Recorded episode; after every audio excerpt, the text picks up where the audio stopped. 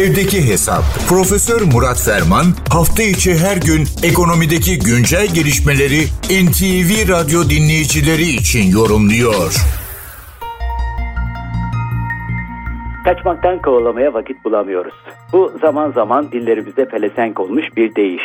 Hani biz de dolar, enflasyon, borsa, şu bu konuşmaktan belki de ekonominin önemli aktörlerinden bir tanesi olan emtialar konusuna yeterince vakit ayıramıyoruz. Bir yılı tamamlayıp önümüzdeki yeni yıla girerken veya giriş yapmışken derseniz özellikle şu emtialar konusunu da bir gözden geçirelim. 2023 yılı nasıl geçti? Bundan sonraki e, beklentiler ne?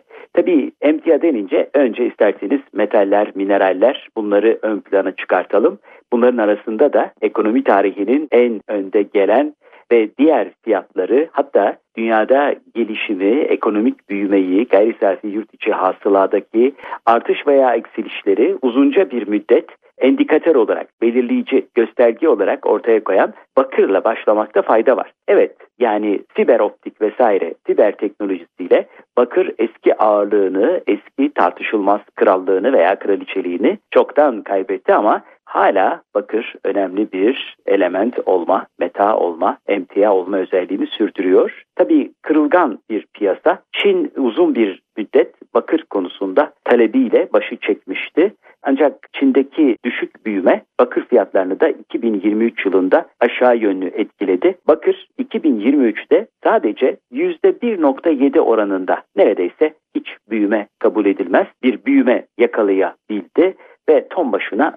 8620 dolarla seneyi kapattı. Tabii yakın zamanda endüstrinin yeni bakır madenleri açabilmesi için de uzmanlar ton başına 15 bin dolar seviyesinde bir rakamın cazip olacağını söylüyorlar. Tabii netice itibariyle bakır Amerika Birleşik Devletleri dolarına ve faiz oranlarına oldukça duyarlı bir element emtia. Faiz indirimi pound başına 3.7 dolarda olan fiyatları 4 doların üzerine taşıyabilir öngörüsü var 2024 için.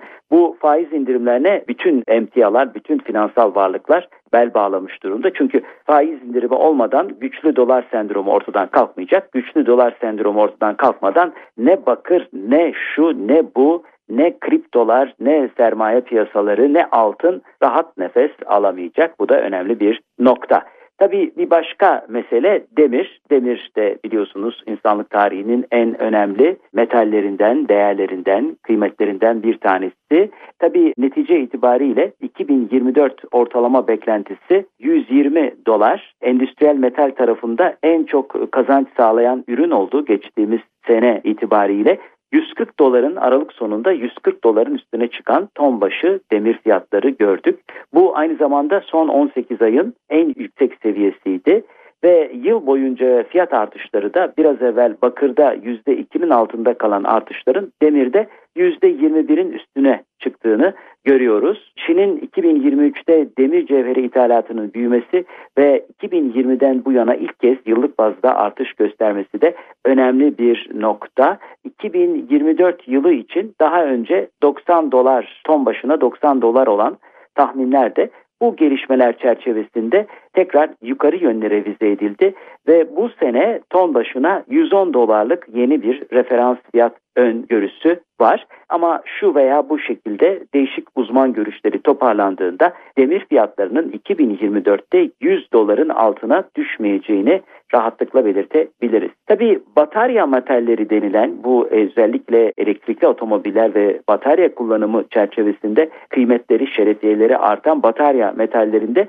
geçtiğimiz sene bir ucuzlama oldu. 2023'ün tabiri caizse en çok dayak yiyeni nikel oldu. %40 düzeyinde bir e, sene boyunca kayıp yaşadı. 2008'den bu yana en kötü yılını geçirdi. Ama mesela lityumda üretimdeki büyümeye karşın talebin zayıflaması nedeniyle 2023'te %81 düştü. Ton başına 96 bin yuanlık bir fiyat karşımıza çıkıyor. Dikkat ederseniz şimdi yuandan bahsediyoruz. Çünkü bunların en büyük tedarikçisi Çin. Çin de dolar yerine yuanı ortaya çıkartmaya çalışıyor lityum piyasasında 2028 yılına kadar herhangi bir açık beklenmiyor. Talep karşılanacak arz fazlası var. Kobalt fiyatları da %43 düşüş gösterdi 2023 yılında. 2024 yılında 20 bin ton civarında bir talep olmakla beraber fiyatların yükselmesinden ziyade derlenip toparlanması gerekiyor. Tabi bu metalleri konuşurken bir de niş metal tabir edilen uranyuma da bakmakta herhalde fayda var. Uranyumun fiyatı 2023'ü %90'a yakın bir fiyat artışıyla pound başına 91 dolardan kapatmış. 2007 yılında görülen Fukushima nükleer santral felaketinden sonra uranyumda aşağı yönlü fiyatlama baskısı vardı. Bunun şimdi ortadan kalktığı görülüyor ama netice itibariyle uranyum dediğimiz gibi niş bir emtia pazarı değeri farklı dinamiklere bağlı olarak da karşımıza çıkıyor.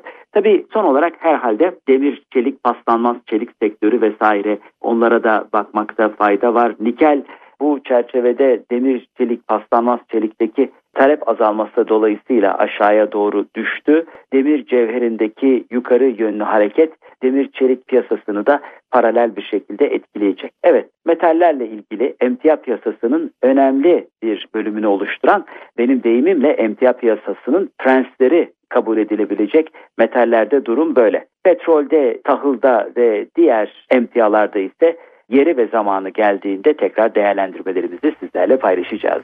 Bu çerçevede değerli dinleyenlerimize katma değeri yüksek ve yüksek katma değerli bir gün ve esenliklerle dolu bir hafta sonu diliyor. Huzurlarınızdan hürmetlerle ayrılıyorum. Profesör Murat Ferman'la evdeki hesap sona erdi. Kaçırdığınız bölümleri www.ntvradio.com.tr adresinden dinleyebilirsiniz.